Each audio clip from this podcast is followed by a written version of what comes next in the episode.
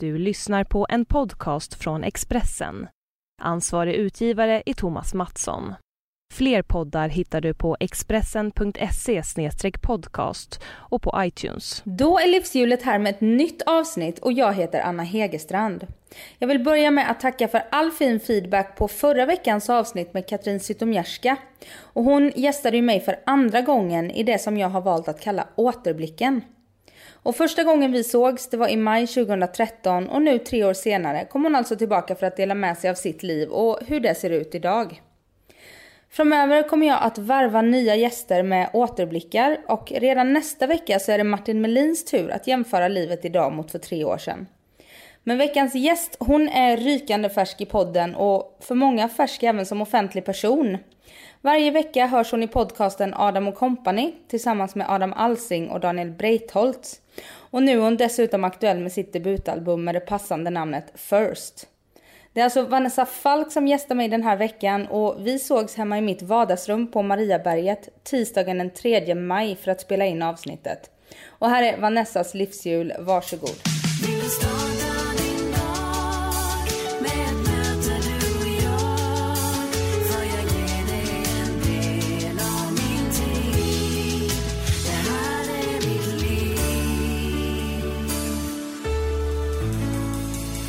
Välkommen hem till mig. Tack! Vad kul att vi fick till det. Verkligen. Ja.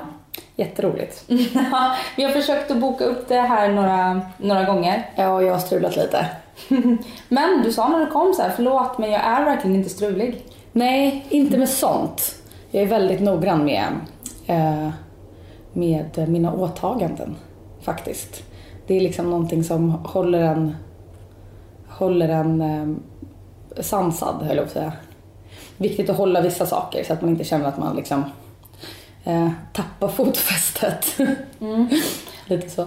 Vad är det för saker du håller i nu då? Vad har du för åtaganden? Eh, musiken. Eh, mina två poddar. Eh, jag bara, jag inte glömmer någonting nu. Mm. nej men det är väl det egentligen som är mina jobb liksom just nu. Mm. Mm. Och jag har ju lyssnat på dig är det ett par år du har varit med i Adam Company? Det är nog ganska precis ett år. Det är ett år? Ja, ja. faktiskt. Mm. För jag har ju eh, följt dem i princip sedan start. Ja. För att jag jobbade med Adam Live Just när det. de började podda efter ja. eh, på fredagar för att de inte tyckte att de var klara då. Just det, just det. De gjorde som en förlängning av Adam Live. Ja, precis. Just det. Mm. Mm. Och sen har podden hållit i. Ja. Och eh, det blev ju verkligen en frisk fläkt. De hade ju ingen tjej där efter att Karin slutade. slutade. Nej. Och de testade lite olika. Det var Carina ja. Berg och... Ja. Petra Tungården vet jag. Just de det. provade. Jag tror till och med att de provade Rebecca Simonsson. Ja, det gjorde de. Mm.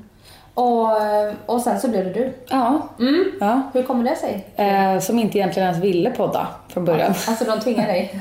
Nej, de frågade om jag ville komma och gästa. Det var Alex Schulman som hade rekommenderat mig Eh, så Adam ringde upp mig och eh, frågade om jag ville komma och gästa honom och Daniel i podden och så sa ja det kan jag väl göra. Eh, som en kul grej.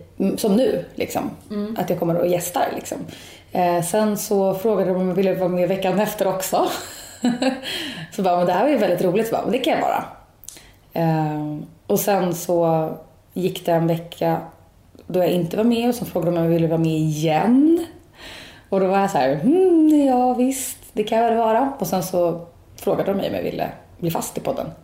Eh, och då hade jag väl ändrat min uppfattning lite. Eh, jag vet inte varför, man kan väl bara snöa in på grejer ibland. Att så här, det här med poddar är inget för mig som artist. Liksom heller på något sätt att, att eh, jag vet inte, säga vad jag tycker och tänker om allting en gång i veckan. Liksom. Det var lite min uppfattning och att det kanske inte skulle bli, det kanske skulle göra mig till en ointressant person. Lite så kände jag. Men det var så roligt så jag släppte alla sådana tankar. Eh, sen så kanske det blev så i alla fall men jag, men jag tycker att det är så kul att podda med dem så att jag, jag kör på. Kan det inte tvärtom ha blivit så att det har gjort dig mer intressant som artist? Det är mycket möjligt. Det kan inte uteslutas. Eller det kommer fram vilken dåre man är egentligen. ni är ju tre dårar så du behöver inte vara själv. Nej men exakt. Precis. Men anledningen till att jag bjudit in dig här idag Mm. är dels för att det vore roligt att sitta ner och Ja. prata lite längre och sen så är ju du aktuell med din eh, skiva Ja. First. Mm. Mm. Min första skiva. Ja, Ja. passande nog. Ja. Precis, ja, det är inte en slump att den heter First, eller jag säga. Nej. Det var nästa heter Second. Jag vet inte, vi får se hur det blir med den väldigt saken. enkelt att Ja, precis. Två, tre bara, fyra, fem. Ja, och jag vet att det har ju varit en lång känslomässigt, känslomässigt tuff process Mm. att eh, bli klar med den här. Ja. Det har pågått i tre år. Ja, mer nästan. Tre och ett halvt. Ja. Ja. Hur kommer det sig? Eh, kort och gott för att precis när jag började göra låtar till den här skivan så dog min lillebror. Eh, så då stannade ju allting liksom. Då hade jag hunnit göra eh, två låtar ihop med Stefan som jag har gjort skivan med. Jag har gjort hela skivan tillsammans med Stefan Örn och eh, Johan Kronlund. Ehm, och vilket är kanske inte helt vanligt heller att man gör bara en hel skiva med liksom, två personer. Nej, Men- jag tror. Nej, jag tror inte det. Det känns som att det brukar vara fler inblandade. Men det, det är också liksom lite frukten av att ehm, ehm, Ehm, hur känsligt det har varit. Eh, och hur jobbigt jag har haft det. Att man inte har velat, jag har inte velat vara med några andra egentligen. Liksom. Eh, men, eh, nej, men jag och Stefan lärde precis känna varandra och så hann vi göra två stycken låtar. Eh, en av dem är Running som är, var senaste singeln eh, innan skivan kom. Och en annan låt som inte kom med på skivan faktiskt.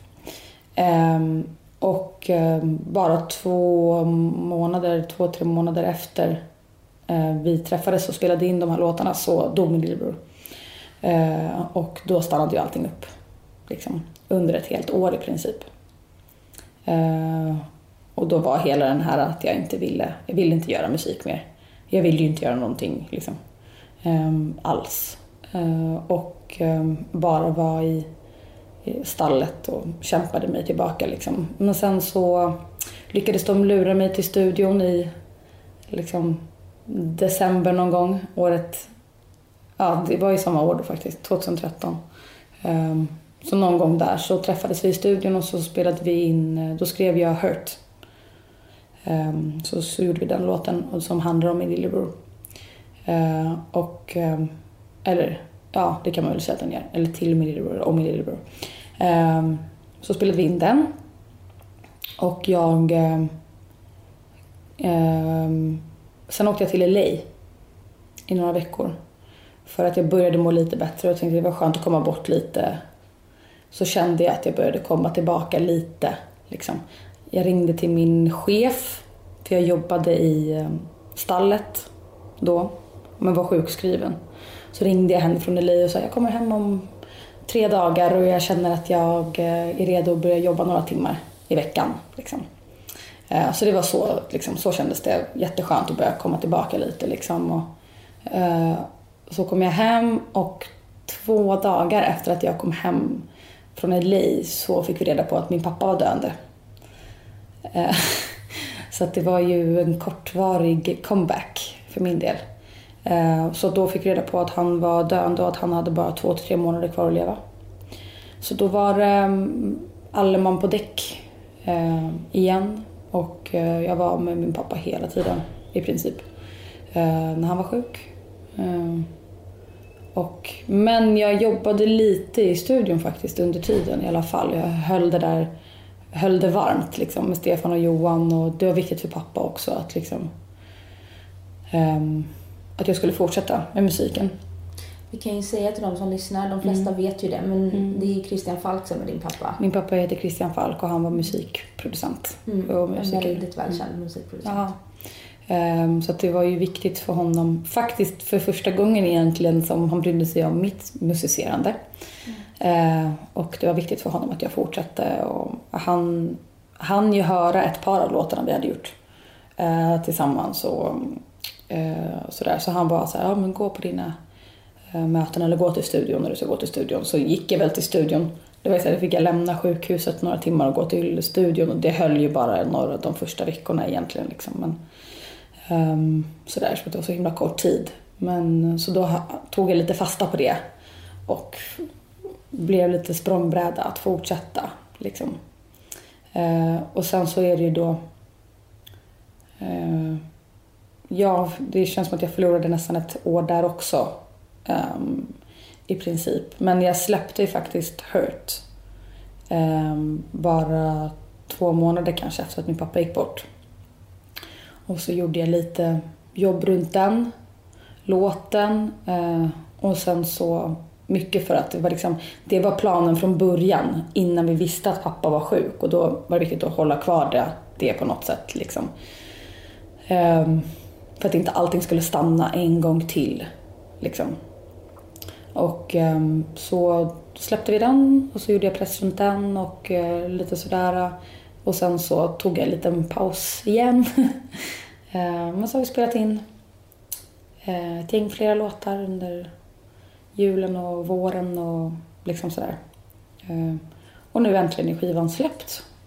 Så det känns verkligen så här, ja. att det någonsin blev blev av. Liksom. Det har varit en process ja. Ja, som egentligen inte har varit, jag menar självaste musikprocessen i sig har ju inte varit speciellt, det är inte den som har varit det, uh, det stånkiga i det här liksom, utan det är ju livet liksom.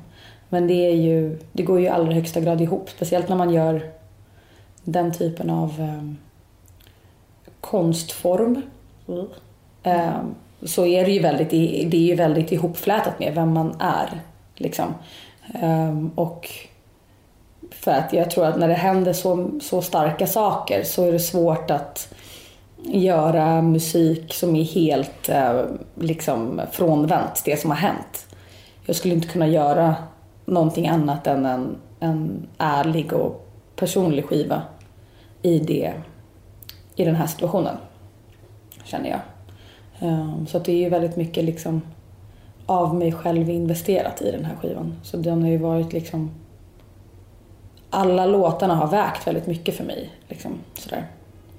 Um, men ja, så det känns ganska bisarrt att den äntligen är släppt och att den finns, att den är ute i liksom, det känns jättemärkligt och jätteroligt. Vad känner du när du lyssnar på de här låtarna som du vet, kan, kan du koppla dem till olika liksom, faser i eh, ja. en sorgeprocess eller i livet? Ja, alltså ärligt talat så många av låtarna handlar faktiskt om en kille som jag träffade efter att min pappa dog. Ja. Eh, de handlar liksom inte alls bara om pappa och William utan, um, utan det handlar mycket om honom. Jag tror att jag var så himla um, det var så himla skönt att känna en annan stark känsla än eh, bara sorg och liksom djup smärta. Så att, eh, jag tog fasta på det ganska mycket. Eh, för han ville ju inte ha mig. Var, ja, precis, jag var det läser mellan raderna. Ja, exakt. Nej. kärlek. Ja, alltså inte till en början. Och jag fattade nog inte riktigt vad som hände själv heller. Och så när vi slutade träffas så eh, kände jag plötsligt att det, han var mitt livs kärlek. Um, och då kom de här låtarna till. Um, sådär. Så att um, jag kan ju liksom, men det är, det är det som är så häftigt med musik, att man verkligen kan ta fasta på en känsla. Man kan plocka ut en känsla och, och få det och, och liksom kännas som att det här är allt. Det, det, här är liksom, det här är hela livet, den här känslan. Liksom. Men det är ju skönt att jag inte är där eh, längre. Jag eh, tycker att han är väldigt trevlig och att eh, han är en härlig kille. Men jag är inte kär i honom längre. Vilket är väldigt skönt. Det är det som är så jävla sjukt när man träffar någon som man bara såhär, det här kommer aldrig gå över. Nej. Är du också sån att du kan gå ner, det är höga eh, toppar och djupa dalar, att det är så här, du blir så tunnelseende? Så att så här... Ja, kanske ja, både och. Alltså, jag tror att det var det som gjorde också att jag blev så himla fascinerad. Att jag har känt, känt mig så himla avstängd och så himla liksom... I sorg så känner man sig så himla ensam. Uh, och så känner, så, så, känner man sig väldigt, eller jag har gjort, känt mig väldigt otillgänglig. Uh, och så plötsligt så var det någon som så bara rev den muren utan att, det var ju kanske inte riktigt hans intention men det blev så i alla fall. Um, och um, så att jag blev väldigt glad att jag inte var liksom helt avstängd. Och liksom, vilket jag dock känner mig tyvärr tre gånger så mycket nu än när jag träffade honom. Tyvärr. Men det där kan ju gå i vågor. Ja, det liksom. var det jag tänkte fråga. Var är du i, i livet idag? Ja. ehm, alltså jag är väldigt mm, ändå nöjd med mitt liv. På något sätt. Eller på väldigt många sätt är det. Eh, och det är så svårt att säga alltså hur hade jag mått eller hur hade jag sett på livet om jag hade varit där jag är idag utan de här stora sorgerna. Hade jag kunnat vara mycket lyckligare då eh, över var jag befinner mig nu? Eller hade jag inte ens befunnit mig där jag befinner mig idag om de där sakerna inte hade hänt? Um, så det kan man ju inte veta, men man får bara ta det för vad det är. Liksom. Um, och jag brukar inte filosofera så mycket i liksom, varför saker och ting blir som det blir eller, eller varför händer det här mig eller liksom, inget sånt. För jag brukar inte gräva ner mig i sådana i såna tankar. Det tror jag man inte mår bra av. Men eh, jag är väldigt glad över var jag befinner mig eh, i livet. Och eh, jag är på rätt väg. Jag känner att jag kan vara ledsen att jag har, eh, jag fyller 31 i sommar. Och att det känns som att jag har förlorat mycket viktig tid på något sätt.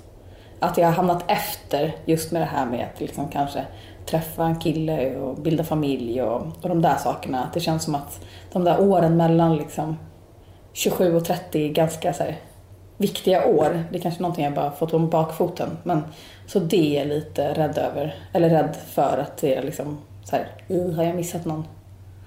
Har jag missat tåget? men det har jag nog inte gjort. Nej, alltså jag skulle väl snarare säga att det som du har gått igenom mellan Ja. 27 och 30, Ja, eh, det är väl det viktiga. Det är väl det livet handlar om. ja, det är en kanske. lika naturlig del av livet att förlora någon man älskar och att eh, känna smärta som att vara glad. Det är det som är problemet i dagens samhälle. Att Mm. vi så här, det är som jag nu som ska genomgå en förlossning om två månader som bara, nej nej, eh, jag ska ju ha kejsarsnitt var ju min första tanke. För att det är inte, det är inte, man ska inte ha ont. nej. Eller det känns inte så här, varför ska jag, det är 2016 men det är, det är ju liksom livet. Ja, jag fattar vad du menar. Mm. Ja, verkligen. Men vad, vad tänker du att ehm, eh, du har tagit med dig? Jag förlorade också min pappa när jag var 19 Ja. och han låg sjuk i två år och, och Ja. sådär. Eh, och kände också att det är väldigt viktiga år, mellan 19 och 21 sådär. Verkligen. Eh, men eh, sen tar man ju med sig saker. Gud ja. Eh, vad känner du att du har tagit med dig liksom, av det som du har varit med om? Eh, alltså jättemycket. Det är så svårt att sätta fingret på. Eh, jag tycker att jag har... ehm, det är lite tabu att prata på det sättet liksom, men, men jag tycker att det här, de här sakerna har gjort mig till en bättre människa. Eh, faktiskt. Om man ska se någonting gott med det som har hänt. Jag känner mig själv bättre. Eh, man vet vad som är viktigt. Man vet vad som inte är viktigt och det är det allra viktigaste egentligen. Att man, man, man lär sig vad som är liksom, betyder någonting och um, ja, och man, man, man lär sig väldigt mycket om livet och sig själv som man inte trodde information man inte trodde fanns liksom. Eller att man inte, information man inte trodde man behövde. Um, sådär. Det är ju tråkigt att man ska behöva gå igenom sådana hemska saker för att man ska komma till någon liksom, djupare insikt eller till någon form av högre nivå av medvetande. Men, men, eh, och så måste det ju säkert inte vara, men nu blev det så för mig. Ehm, Så om det, man ska säga att det har kommit någonting gott av det eller att man har lärt sig någonting så är det väl det. Liksom. Sen vet jag att du, du har sagt att du eh, skuldbelade dig själv ganska mycket för Ja. din lillebror Ja. som tog självmord. Att du borde ha, liksom, Ja. eh, ha vetat om någonting eller sådär. Hur Ja. har du jobbat med den skulden? Eh, jag har ju gått i terapi, traumaterapi efter min lillebrors självmord. Jag tror att det är någonting som kommer väldigt, um, alltid kommer när någon begår självmord. Skuldkänslor för de här ringarna på vattnet liksom, som kan nå väldigt långt ut i en, i en människas krets. Liksom. Och de närmast anhöriga drabbas såklart hårdast. Liksom. Um, och um, man kan känna, man kan känna väldigt akut skuld för, för specifika eh, saker som har hänt. Eh, jag menar, jag kände skuldkänslor för allting dumt jag någonsin gjort mot min lillebror i hela livet. Liksom, när jag tog hans lördagsgodis eller när jag, alltså sådana där saker som är liksom saker som um, är så självklara. Ja. Som alla gör, som inte är någonting, som inte är någonting um, uh, liksom, uh, konstigt eller fel eller onaturligt. Liksom. Men de sakerna är, blir så smärtsamma så att man bara, liksom, bara skriker. Liksom. Och sen till att då såklart att på ett mer existentiellt plan, liksom, att man borde ha sett någonting, att man borde ha förstått eller sett några signaler eller liksom sådär. Och att man som nära då borde, om det är någon som ska se de sakerna så är det ju liksom en stora syster. Liksom. Då, jag kan bara utgå från mig själv. Liksom. Mm. Eh, och, eh, men det, de sakerna har jag jobbat med mycket. Jag har gått i terapi, eh, traumaterapi och, och sådär. Um, och det har blivit bättre. Men förut, och det, det som också händer är att man får, man, man får en skuldkänsla för att man själv lever och det är det som är den, den svåraste typen av skuldkänsla tycker jag. Och det var ju där, det var det som hände med min musik. Att så här, jag förtjänade minsann inte eh, att göra någonting som jag mådde bra av. Någonting som gjorde mig lycklig. Det förtjänade inte jag. Det var därför jag inte ville göra musiken. För att då skulle liksom det som gjorde mig gladast skulle bort. Liksom. Mm, destruktivt. Ja, lite så. Och um, jag kommer ihåg liksom de första gångerna när jag uh, faktiskt hade kul eller var glad efter att min lillebror dog. Uh, så dagen efter så var jag, jag fick sådana bakslag. Jag kunde inte gå upp i sängen på tre dagar. För Nej, att jag hade... Man får så ont för att man skrattar liksom. För att man får sådana skuldkänslor för att man var glad. Um, för att det förtjänar man inte. Så de sakerna har jag jobbat bort. Um, men det sitter där ibland i alla fall. Jag tror att det är, det är svårt att bli av med det helt och hållet tror jag. Det finns alltid en liten, en liten liksom pockande känsla där bak av att liksom, ska inte ha för kul typ. Men det, men det är mer än, det är ingenting, det är liksom, man lär sig att inte leva efter det. Sen kanske man har känslan ibland men man styrs inte av den. Liksom så. Nej, det är en jävla skillnad. Ja, det är en väldigt stor skillnad. Det är en väldigt stor skillnad. Um, så. Men, uh, nej, men det är ett jättestort, det är ett jättestort problem um, som jag tror är väldigt, väldigt mycket större när det kommer till självmord. Alltså till de anhöriga än vad man, vad man vet. Mm. Um, hur jävla förstörd man kan bli av skuldkänslor. Uh, och inte bara, och nej den där gången när jag uh, glömde bort hans födelsedag. Uh, liksom. Utan att faktiskt att man själv tycker att man inte förtjänar att leva. Det är det som är en allvarlig konsekvens liksom, av det som händer. Faktiskt. Mm. Ja, nej, det är inte jättemycket gott som kommer ur skuld heller. Nej, nej verkligen inte. Går du i terapi fortfarande? Um, nej, inte just nu. Jag gör inte det. Um, men jag har ju liksom... Um, jag vet vart jag ska jag vet vart jag ska höra av mig, jag vet vart jag ska ringa eller vart jag ska be om hjälp. Eh, om jag känner att jag behöver det. Liksom. Och, men jag har ju fått väldigt bra verktyg eh, om jag får ångest eller om jag mår dåligt. Och, liksom sådär. och jag är väldigt... Eh, jag har alltid en väldigt öppen dialog med mina föräldrar och liksom mina vänner och, och sådär. Eh, och jag känner mig själv väldigt bra så då kan jag vara lite sådär, oj nu, hjälp, sådär. Så kanske jag eh, tar kontakt med, med en eh, med en psykolog och sen så bara att jag gjorde det gjorde att det kanske blev bättre. Mm. Lite så. Ja. Sådär. Men man ska inte vara rädd att, eh, man ska inte vara rädd att eh, be om hjälp alltså. Nej. Det ska man inte vara. Det är minsta lilla egentligen. Det är verkligen nyckel, tycker jag. Att våga be om hjälp. Sen är det svårt att göra det också för att man vet ju det när man mår dåligt så tror man att man inte har en enda kompis att ringa. Mm. Fast man egentligen har 35 mm. kompisar och en mamma som bor i samma hus. Men ändå så ligger man där och bara ensam i världen. ja, och det, det var lite roligt för jag läste någon intervju med dig ja. och så står det i faktarutan eh, på familj. Ja. Jag läser nu från början då. Ja. Mamma Tove, styrpappa Göran, styrpappa Svante, styrmamma Fatima, styrmamma Sahara, lillebror John, lillasyster Vita, lillasyster Effie. Eh, samt ytterligare tre styrsyskon och så pappa Christian Falk och så din lillebror William då. Ja. Så att du har en ganska stor familj. Hur ja, det, hänger allt det här ihop? Ja, det har kommit en till lillasyster Ona också. Ah, okay. Som bara är ett. Som, är, som är ett, två år yngre än um, Effie. Ja. Eh, ja, det hänger ihop. Gud, det är liksom intressant. Men Nej men det är bara så här, eh, du har kontakt med, för det verkar ju som att det är föräldrars ex och sånt som är inblandade här. Ja men precis. Ja, men det är ju så att jag har ju haft den stora, eh, eh, vad ska man säga, ynnesten i livet att jag har faktiskt haft två pappor. Eh, så att Göran då eh, är min, min mammas gamla man som också är min andra pappa. Då, styvpappa, Göran. Så Christian och Göran är dina pappor kan man säga. Exakt. Eh, och eh, eh, Göran är då pappa till John, som också är min mammas barn. De har ett barn tillsammans. Eh, och sen så har ju då Göran eh, gift om sig med Fatima, som är min styvmamma. Just det. Eh, och de har fått då Effie och Ona. Eh, små sladdisar till mig och John. Och vi är jättenära. Jag, vi, Göran har aldrig eh, gjort någon skillnad eh, på mig och, och John och Effie och Onna. Utan han ser mig som sitt första barn. Vilket är, det är jag så tacksam för. Så att nu, det är ju så, det är liksom, det är så självklart för mig och i vår familj. Och, Fatima kallar mig för sin styvdotter. Och hon ser ju mig som Görans biologiska barn. Um, och eh, det är ju um, wow alltså. När man blir äldre och inser vilken grej det är att ta in någon annans barn så. Det är verkligen helt eh, makalöst.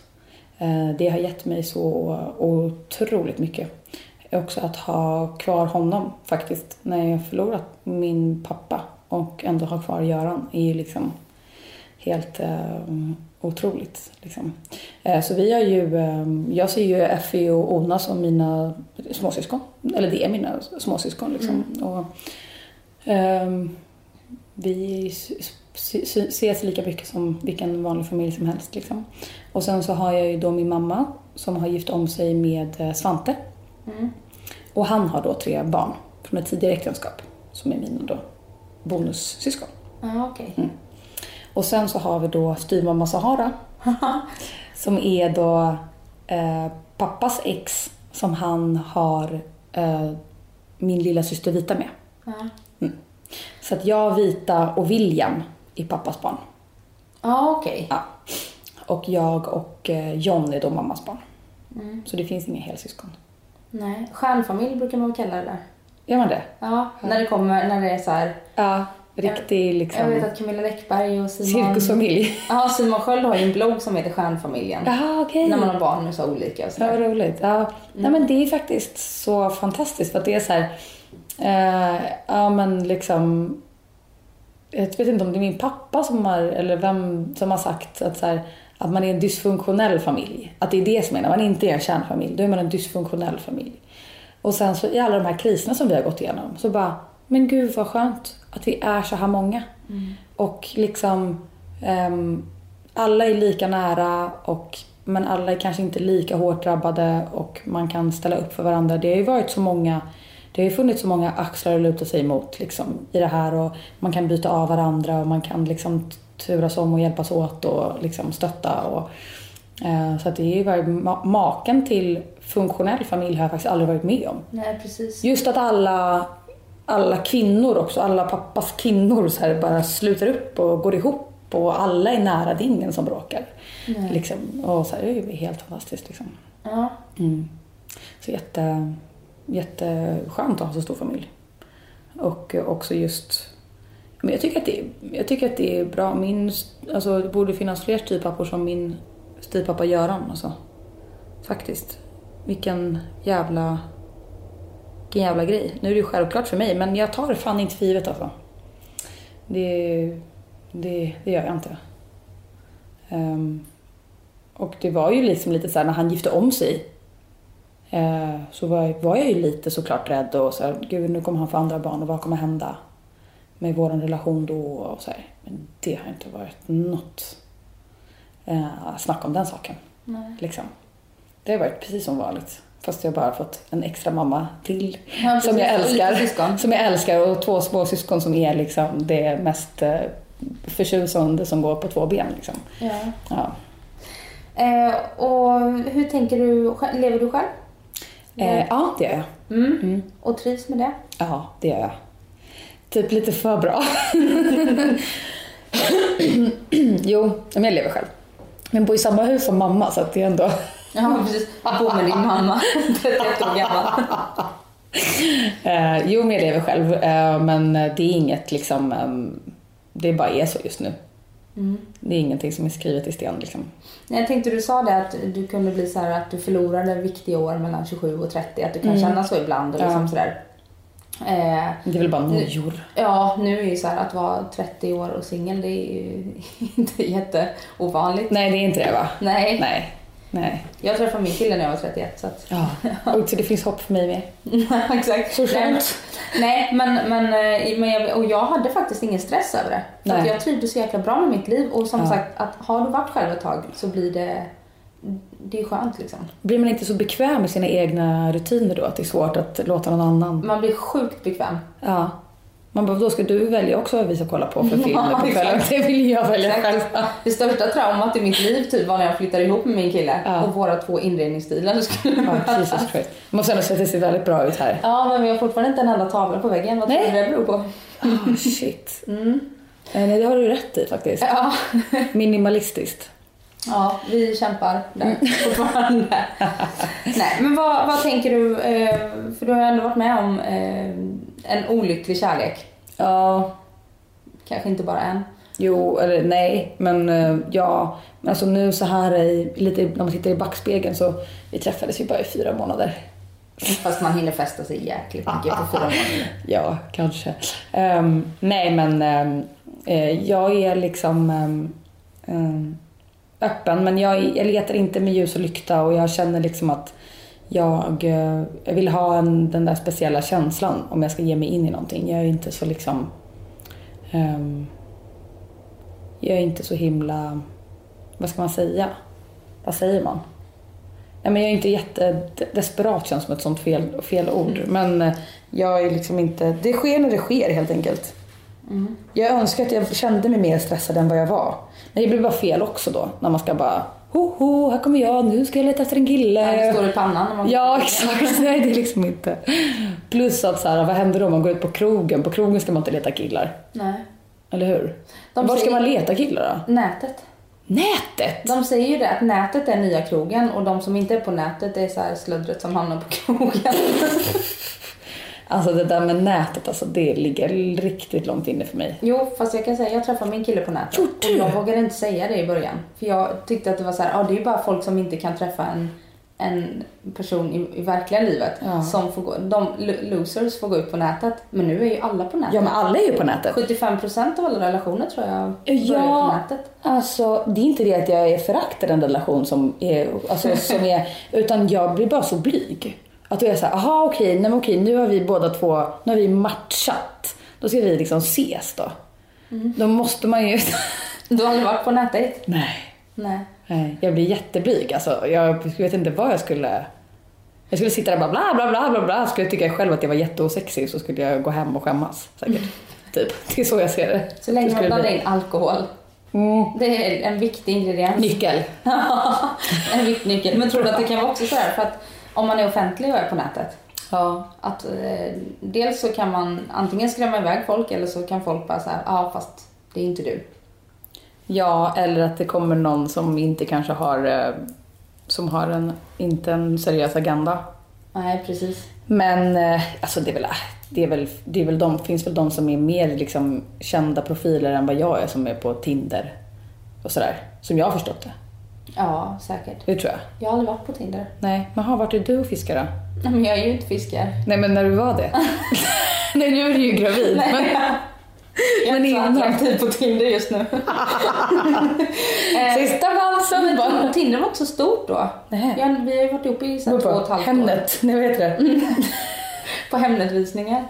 Nej men Det det, finns ju så match och vi träffades på. Badoo som är en, den oseriösaste sajten. Så ligg, Ja, det är liggsajt. knull... eh,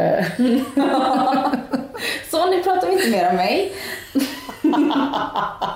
Men jag kan rekommendera, det finns ett och annat guldkorn där ute. Okej, okej, jag ska kolla. Jag ska inte... Den stora Men alltså, så det finns alltså bra killar som är ute på nätet? Mm. Okej. Ja, uppenbarligen. Eller jag tycker min kille är bra. Men det är ju en på tusen kanske.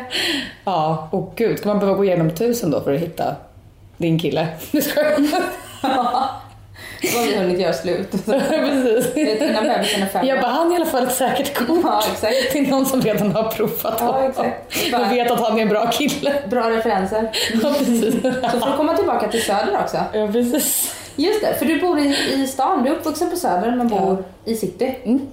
Men när du kom hit så sa du så här, åh det här är ju hemma. Ja, du bor ju precis i mina gamla kvarter Mm. faktiskt. Ehm, så det känns ju väldigt ehm, mysigt. Jag känner mig bekväm med den här typen av uh, stuckaturer Ja, och kakelugnar. Ja, men det här är ju ett väldigt... eh, det här är ju nästan Stockholms finaste kvarter alltså, tycker jag. ja det är mysigt. Tycker jag det bara för att jag är härifrån. Vi är alltså vid Mariatorget, kan man säga det? Ja, Ja, typ. Mm. I runda slängar. i runda slängar. Ja men det är jättemysigt. Mm. Men, men eh, hur bor du? Jag bor i en ehm, liten lägenhet i min mammas hus. Ehm, för tillfället. Eh, jag ehm, har... Um, Din mammas hus, hon äger alltså ett hus där? nej, gode gud. Absolut inte. Det Eh, låter så. Ja, nej, jag, bor i samma hyreshus. Eller bo, i samma Ah, hus som min mamma bor i. Ah, Okej, Ja. ni har varsin lägenhet där? Exakt. Vi bor i olika trappuppgångar faktiskt. Åh gud det var så äckligt. Jag satt och drack te hos, eh, uppe hos min mamma igår kväll. Eh, och så skulle jag gå ner till mig och så öppnade jag ytterdörren och bara Vad fan är det som stinker? Då är det någonting som luktar. Det luktar alltså avlopp i hela trapphuset. Och vi bara går ner i källaren och rotar oss ner i källaren. Så här. Då är det en restaurang som ligger i, i huset, eller vad man ska säga. I, liksom. Så deras fettavskiljare hade spruckit. Ja, verkligen. Alltså det är så äckligt. Så nu håller de på att sanera. Så det kommer alltså lukta ullrumpa i typ en månad, tror jag de sa, i vårt hus. Så bara kände jag så här, när jag gick ner till mig själv och så satte på Game of Thrones så bara, nej men nu börjar det lukta i min lägenhet också. Det luktar liksom i, Ja, det luktar in. så jävla äckligt. Ja. Söder är bättre. Jag skojar. Det är så. Här finns det inga krogar i huset. Nej, inte alls. Hur kommer det sig att du hamnade i, i din mammas hus då? Eh, alltså ärligt talat så um, vill jag bo nära min mamma. Mm. Eh, jag, har en, eh, en, jag har en lägenhet utanför eh, stan eh, som jag har hyrt ut. Eh, och sen så har jag hyrt en lägenhet liksom lite längre ner på gatan från mamma för att jag ville bo nära mamma och sen så fick jag möjlighet på den här lägenheten i samma hus som mamma. Eh, och eh, det är väl bara en... Det är liksom att jag har behövt komma på mina egna små lifehacks för att göra livet lite lättare för mig. För att jag har, har ärligt talat jobbigt i perioder. Eh, och eh, jag har ju min mamma kvar och varför inte bo nära henne. Jag har ju bott hos henne väldigt mycket. Jag har bott hos Göran också och, eh, och sådär. Och För att min eh, lillebror John då, han har blivit så pass stor så han har flyttat ut i princip. Eller så har han bott hos Göran längre perioder. Då har jag bott i hans rum hos mamma. Efter att William gick bort och sen efter att pappa gick bort. Och, så att jag har blivit så här, "Ah, okej nu kommer jag igen. Så här, tillbaks hem till mamma liksom. Eh, och ehm, det har inte varit några problem alls. Det är jätte liksom um, okonstlat och, och enkelt liksom. Men, men det här är ett bättre alternativ. Jag är ju trots allt 30 liksom. Sådär. Och så fick jag den här möjligheten vilket var helt sjukt. Så, så nu bor jag där tills vidare. Får vi se sen. Vad betyder ditt hem för dig? Är det viktigt att ha ett mysigt hem? Ja, det är det. Det är det verkligen. Um, ja, hemmet är ju allt liksom. På något sätt. Det är så himla viktigt att trivas i sitt hem. Ehm, Det är också därför det är lite jobbigt för mig att bo i den egna lägenheten jag har utanför stan. För att jag, ehm, jag var mitt i en flytt när min lillebror gick bort. Så att, Ja, till den lägenheten då? mm, så att det var liksom så här. Jag ockuperade två lägenheter under ett tag när allting bara stannade. Sen så fick jag hjälp att flytta alla mina saker till den här lägenheten och jag bara stod där som en liksom, krukväxt och bara ho, ho, typ. Det var så hemskt och så allting var, stod liksom nerpackat, nerpackat i lådor jättelänge. Jag kommer ihåg, jag och mamma åkte ut dit någon gång och bara så här, drack te för att vara där för att så här, etablera det som mitt hem. Liksom. Fixade till och, och som sagt sen så blev pappa sjuk och då bodde jag faktiskt där själv när pappa var sjuk. ett tag. Och, så det är mycket det över den lägenheten också. Det är en jättefin lägenhet men det är lite jobbigt för mig att vara där. Det. Så om det är någon som vill byta, hojta. Jättefin tvåa med söderläge, balkong högst upp. Mm. Uh, ut en liten bit utanför stan. Ja. Uh, nej men så att jag ska nog faktiskt försöka byta den vad det lider. Mm. Men det är viktigt att man trivs och så. Det är det som är den trygga, trygga punkten liksom. Ja, det är det. Hemmet och bostaden. Och, Mm. eh, Bostaden, arbete, relationer. Ja. Och sig själv såklart. Ja, ja, verkligen. Ja, man själv är ju grundpelaren i, i allt det där liksom. Men jag har alltid varit väldigt så här, hemmet är min borg. Jag gillar inte när det är liksom, alltså så här, fest hemma. Eller du vet, så här, när det är liksom, det blir rörigt hemma. Jag vill att det ska vara, hemma i lugn och ro. Och fridfullt och så här, en, ett ställe att pausa från allt annat. Är du ordningsam? Mm. I stallet. Ja. Um, alltså jag har ju stenkoll på vart mina saker ligger. I olika högar och, och sådär. Pizzan ligger under trosorna. ja men exakt, typ så. Bara under bokhyllan i den andra byrålådan. Eh, ja men exakt, lite så. Nej men eh, jo, det är väl på sätt och vis. Eh, jag är ordningsam på det sättet att jag som sagt jag vill ha lugn och ro och, och koll på liksom. Men jag, ja, just det hemmet är liksom för mig väldigt så här, det är liksom frizonen faktiskt. Från allt. Och så vet jag att du har en till frizon. Mm. Eh, och det är hästarna. Ja, Mm. stallet. Ja. Ja. Var kommer det ifrån? Alltså bra fråga egentligen. Ehm, Jag gick ju i eh, skolan här på Mariatorget, Södermalmsskolan, när jag var eh, på grundskolan. Ehm, Och ehm, en av mina bästa kompisars, ehm, hon blev nog min bästa kompis då i och för sig, men gick på fritids här uppe precis ovanför var du bor. På ett eh, kooperativ fritids tror jag som heter Bonk. Eh, Och de gick och red eh, varannan fredag, eller varje fredag eller sånt där, på Svartlings ridskola när vi gick i ettan. Eh, och eh, jag vet inte riktigt hur det gick till, men jag fick följa med och rida med deras fritids på fredagar. Eh, för inte är det någon i min familj som är speciellt djurintresserad. Nej, det är så. Nej, inte alls. Eh, så då började jag rida och, eh, där på fredagar. Och eh, jag var väl så här, nej men jag vill inte gå hem efter lektionen, utan jag stannade kvar. Ehm, och kvar blev jag. Och kvar är jag fortfarande. Ja, verkligen. Ja, på samma ridskola. Ja, du är det. Så Mm. går du att ta lektioner där? Eller? Nej, nu är det väl kanske mer att jag har lektioner där. Ja, du har lektioner I sådana fall, ja. Ja, jag har ingen aning om hur det funkar. nej, nej, men det är ju inte en... Jo, men det, det gör jag ju. Fast nu är jag ju liksom så här, en av de som är äldst i stallet. Eh, så att um, man rider ju ganska mycket själv. ja. Men det är ju väldigt eh, mycket roligare och mera... eh, m- mycket mera eh, fruktbärande att ta lektioner för någon. Det är ju som när man tränar på gymmet själv. Alltså, man blir inte ens svettig och så tränar man med PT och man vill dö. Liksom. Eh, men sen så tränar jag faktiskt också eh, numera ute i Upplands Väsby eh, på ett ställe som heter AP Ridutveckling eh, med en, eh, hos en tjej som heter Anna Wallberg som är eh, dressyrtränare eh, som har en, en verksamhet där ute. Och jag kom i kontakt med henne för att jag eh, fick ju eh, tävla i Friends Arena i november Eh, på Sweden International Horse Show. Var det stjärnhoppningen där? Ja, fast stjärnstafetten. Aha. Mm. Som är, de har ju något som heter Stjärnornas hoppning, eller Ja, Stjärnhoppningen som är, som är SVT-sänt också där liksom eh, kändisar får lära sig rida från början och sen så slutar det med att de, har, att de hoppar en bana, tä, Ja. tävlar i, i Friends Arena. Sen fattar man ju att vissa av de här kändisarna kan ju rida innan. Ja, vissa lite men vissa så, de flesta överhuvudtaget inte. Ja, det är så. Ja, överhuvudtaget inte. Men det här stjärnstafetten som är då en, liksom, en, en gren bredvid som inte är tv-sänt. Eh, det är liksom för de lite mer rutinerade. Ehm, Men då måste man Stjärnorna. vara känd. ja, känd inom situationstecken. jag tror inte att det var så många där som visste vem jag var när jag var med. Men, men, ehm, nej, men så då tävlade jag i stjärnstafetten i år mot eh, Carina Gynning bland annat och ehm, han Bonde söker fru Pontus. Ja, han tävlar ju i fälttävlan. Han är ju, han är ju alltså riktig hästkille. Han, är, han tävlar ju. Han är hästbonde typ. Han är hästbonde, exakt. Och sen så hon från TV4 Sporten som jag alltid glömmer bort vad hon heter. Åh, vilken ångest. Anna Brolin. Nej. Yes. Nej, okej förlåt. Gud vad pinsamt. Skitsamma i alla fall. Ja, man ska, man, sånt ska man inte glömma. Mm. Nej men så då tävlade vi i en stafett. Då blev vi ihopparade med eh, en ryttarkändis.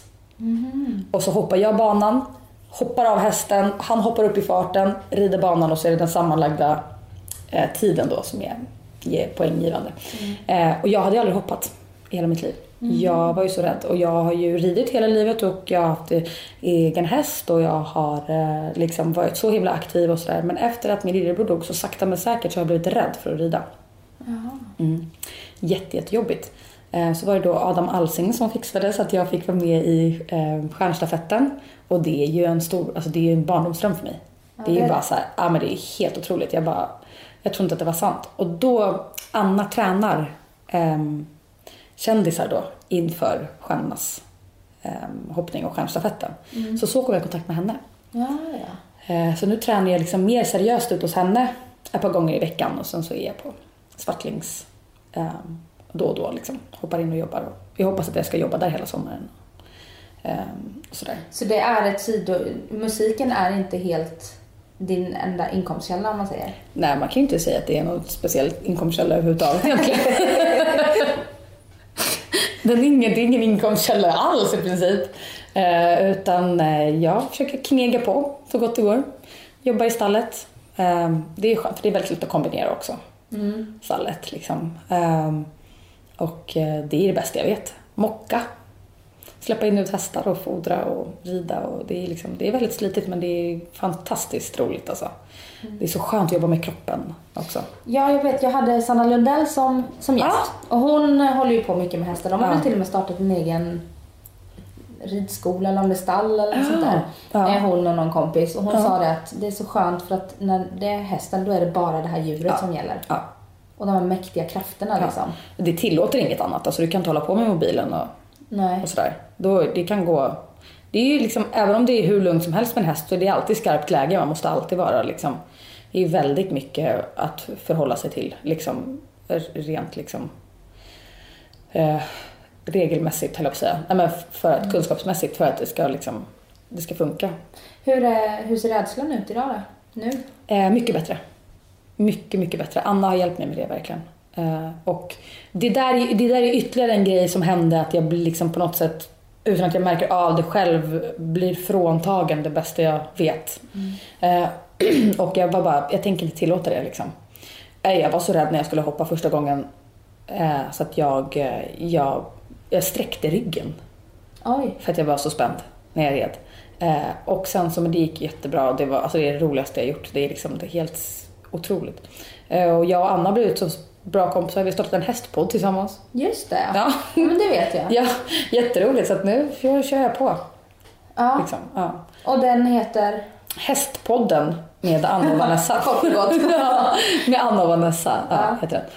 Eh, nej men så vi poddar en gång i veckan och jättekul. Man ska verkligen så bejaka sina intressen. Kan jag, Adam och Daniel retar alltid mig så mycket när jag, så fort jag säger någonting som har med fyra ben att göra så blir de ju mobbar de mig.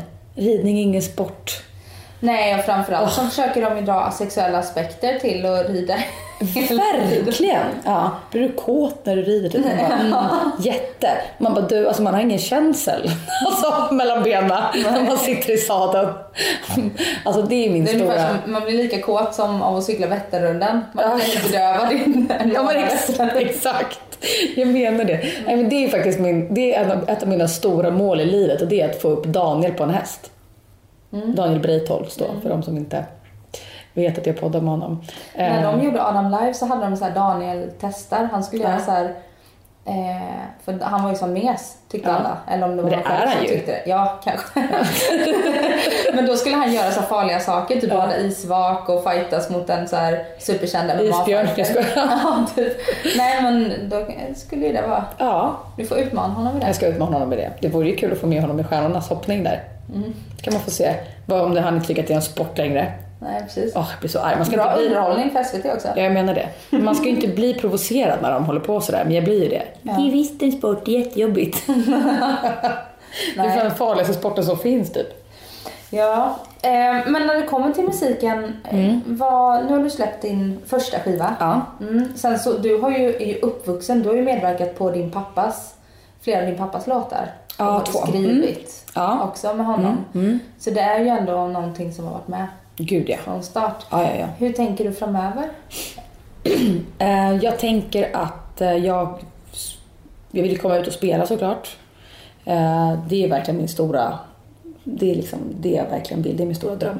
Att komma ut och spela. För du, ligger, du, du rider på Svartlings ridskola och ligger på Peter Svartlings Skivbolag, det. är inte samma Svartling eller? Eh, de är släkt på lång, eh, Ja, det är så. på, på, lång, på långt håll tror jag. Mm. Idol Peter Svartling kan vi säga Exakt, till ja. lyssnarna då. Mm. Ja. Eh, nej men nej, de har egentligen ingenting direkt med varandra att göra på det sättet. De hänger inte Nej. så mycket.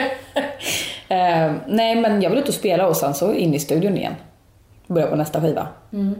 Och hoppas att det blir lite mera eh, smidig eh, väg dit den här gången. ja, jag tänkte säga det så här, eh, för den här plattan är ju verkligen eh, skapad i sorg. Ja. Ja, Ehm. i livskris ändå på något sätt. Ja, i livskris. Ja. Eh, tror du att eh, nästa skiva kommer att låta helt annorlunda då eller? Nej, det tror vi jag får inte. hoppas att den livskrisen inte, att det inte kommer en ny livskris. Nej, det får man verkligen hoppas. Men å andra sidan så tror jag att det här är ju ehm, det är ju um, någonting jag kommer bära med mig hela livet. Så det är ju någonting som jag har blivit märkt av. Mm. Är det ju. Ehm, och så jag tror inte att det kommer komma en liksom lättsam um, liksom houseplatta direkt. Men man ska aldrig säga aldrig. Nej. Har jag lärt mig. Men eh, nej, men jag tror att det här är liksom, det är väl den jag är liksom. Ehm, sen så är det klart att det kommer säkert låta lite annorlunda och det är jag ju, eh, det vill jag ju att jag ska göra. Vill ju utforska mera liksom vad jag kan göra inom musiken och liksom det här, jag har ju bara börjat. Mm. Liksom, lite så. Mm. Så jag vill komma igång igen. Jag tror jag kommer börja spela in i studion igen redan i, nu om, eh, liksom, inom några veckor. Faktiskt. Kul. På bollen, ja. Ja, men verkligen på bollen. ja.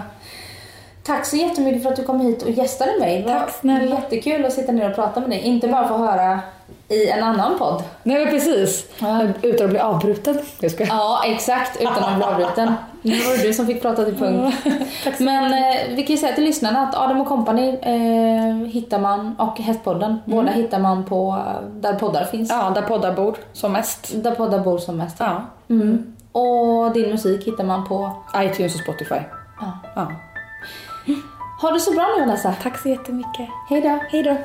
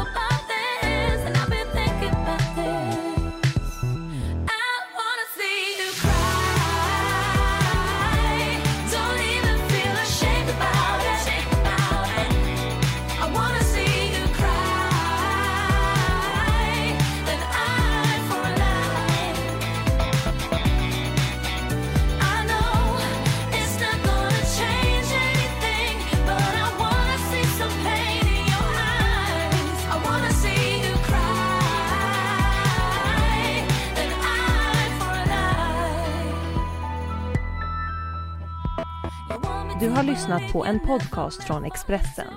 Ansvarig utgivare är Thomas Mattsson. Fler poddar hittar du på expressen.se podcast och på iTunes. Nu är den stora färgfesten i full gång hos Nordsjö Idé och Design. Du får 30% rabatt på all färg och olja från Nordsjö.